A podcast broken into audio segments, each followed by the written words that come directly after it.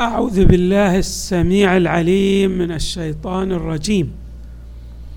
بسم الله الرحمن الرحيم والحمد لله رب العالمين. والصلاة والسلام على أشرف الخلق سيدنا ونبينا محمد وآله أجمعين الطيبين الطاهرين. قال الله تعالى ومثل الذين ينفقون أموالهم ابتغاء مرضات الله وتثبيتا من أنفسهم كمثل جنة بربوة أصابها وابل فآتت أكلها ضعفين فإن لم يصبها وابل فطل والله بما تعملون بصير يوضح لنا القرآن الكريم من خلال الأمثلة آه تأثير الأعمال المعنوية بمعنى أن العمل قد يكون واحدا في الظاهر ولكن التأثير المعنوي يختلف لهذا العمل عن ذلك العمل الآخر. ويعود السبب في ذلك إلى الاختلاف في كيفية الإتيان بهذا العمل. وحتى يوضح لنا ذلك ب آه، يأتي لنا بمثال حسي أيضا. هذا المثال الحسي هو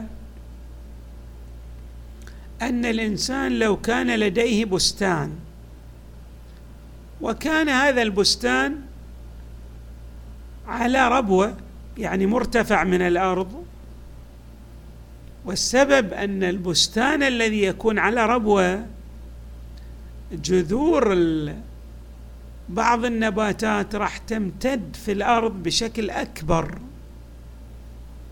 فإذا توافرت التربة الخصبة والماء الغزير والرعاية لهذا الزرع سيكون الثمر آه، إنتاجه مضاعفا. أما إذا اختل بعض العوامل مثلا ولنفرض الماء قل السقي لهذا البستان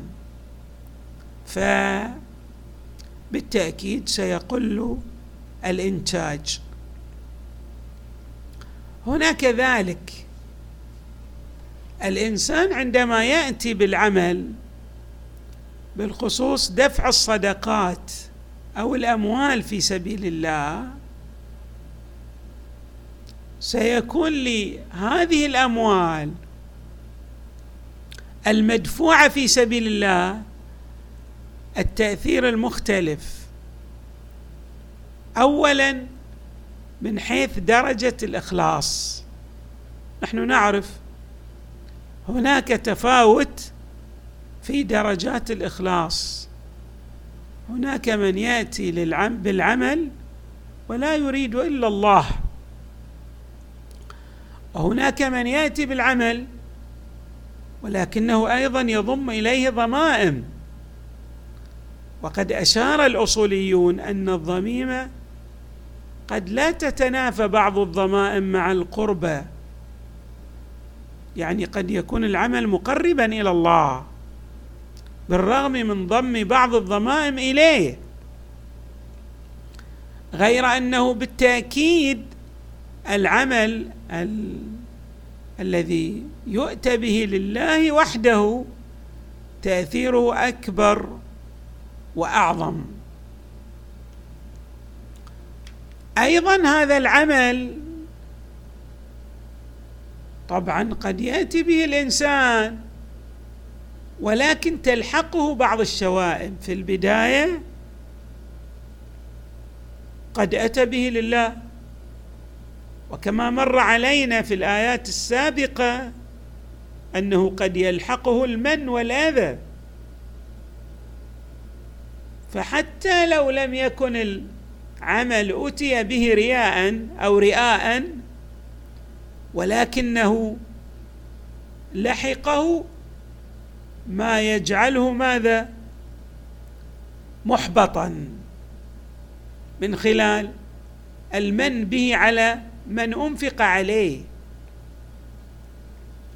اذا القرآن الكريم يوضح لنا أن الذي ينفق أمواله في سبيل الله آه وهو يريد وجه الله وحده. وهو مع ذلك يستمر في هذه النية الخالصة دون أن تشاب هذه النية بما يقلل من ثواب العمل أو من قيمة العمل المعنوية إذا صح التعبير. وهو الذي يفصح عنه قوله تعالى وتثبيتا من أنفسهم. وهنا وتثبيتا من أنفسهم. يعطينا درسا على أن الإنسان حتى لو أتى بالعمل لله عليه أن يرقب عمله دائما وابدا. يعني قد يتعرض لمواقف متعددة في حياته فيذكر ذلك العمل. وقد يصاب في أثناء ذكره لعمله بشيء من الفخر والزهو. طبعا إذا كان يذكر العمل وهو يريد يريد أن يشجع غيره ويستانس بصدور هذا العمل من هذا لا بأس به. ولكن في بعض الأحايين قد يذكر العمل ويصحبه لذكر العمل. أمور أخرى آه تقلل من نقاوة ذلك الإخلاص. من هنا القرآن يفصح لنا عن أهمية تثبيت النفس. بمعنى التلقين الدائم للنفس على أن الأعمال الطيبة والخيره التي صدرت من لدن الإنسان ينبغي الحفاظ عليها. وألا تشاب بشيء من الكدورات التي تؤثر على نقائها لأن الإخلاص بادئ ذي بدء قد يجعل العمل كبيرا. ولكن تلك الأمور التي تلحق بالعمل سوف تقلل من قيمته ولهذا جاء قوله تعالى وتثبيتا من أنفسهم. يعني أن هؤلاء لديهم التفات على أن هذه الأعمال ممكن أن تتأثر سلبا من خلال ما يلحق بها فيؤثر عليها. ومن ثم القرآن الكريم أيضا يعلمنا شيئا. جد هام وهو إذا كان العمل المادي في الخارج يتأثر بسبب العوامل الطارئة عليه. ولذلك نلحظ أن هذا البستان الذي كان على ربوة بالرغم من أن الأرض هي خصبة كما عبرنا والبستان الذي على هذه الربوة يعني أشرنا أيضا إلى أن جذور النباتات راح تمتد في أعماق الأرض مما يتيح لهذه النباتات أن ماذا؟ أن تعطي ثمارا مضاعفة. ولكن المسألة إذا اختل بعض العوامل مثل قلة الماء سوف تتغير المعادلة. ولذلك الله تبارك وتعالى يأتي لنا بنمطين من الماء الذي يهطل أو يطرأ على هذا البستان الذي تواجد على مرتفع على ربوة. الربوة طبعا الأرض ماذا؟ الربوة لا تقال إلا إذا المرتفع وكان يعني الأرض فيها شيء من الصلاحية لانبات آه، ما يوضع فيها من الزرع والبذر. الله تبارك وتعالى آه، يلفت انتباهنا إلى آه، مسألة تأثير الماء في هذا البستان الذي على هذه الربوة. فتارة الماء يكون غزيرا.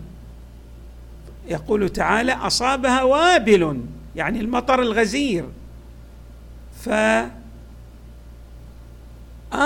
أكلها ضعفين. يعني جاء الناتج مضاعف مرتين. طيب في بعض الأحيان إذا قل الماء ويعبر عنه تعالى بقوله طل يعني الماء القليل. قد تك قد يكون هذا الزرع آه لا يتأثر من الناحية الظاهرية. يعني من خي من حيث جماله وخضرته ورونقه. ولكن الثمار المعطاة من قبل هذا الزرع راح تقل. حال الإنسان الذي يعمل العمل الصالح وبالخصوص الإنفاق في سبيل الله كلما صفت نيته وحافظ على هذه النية ولم يرد بهذه النية أي ضميمة أخرى لا يريد إلا الله إنما نطعمكم لوجه الله. حتى الشكر والجزاء أي جزاء لا نريده إلا الله تبارك وتعالى هو قصدنا ولهذا الله تبارك وتعالى أيضا يبين في نهاية المطاف بأن الله يعلم بأي عمل يصدر من لدن هذا الإنسان هو البصير العالم. ولعل التعبير بالبصير. طبعا العلماء علماء الكلام يقولون أن يقولون إن البصير عندما يطلق على الله يراد به العلم بالمبصرات.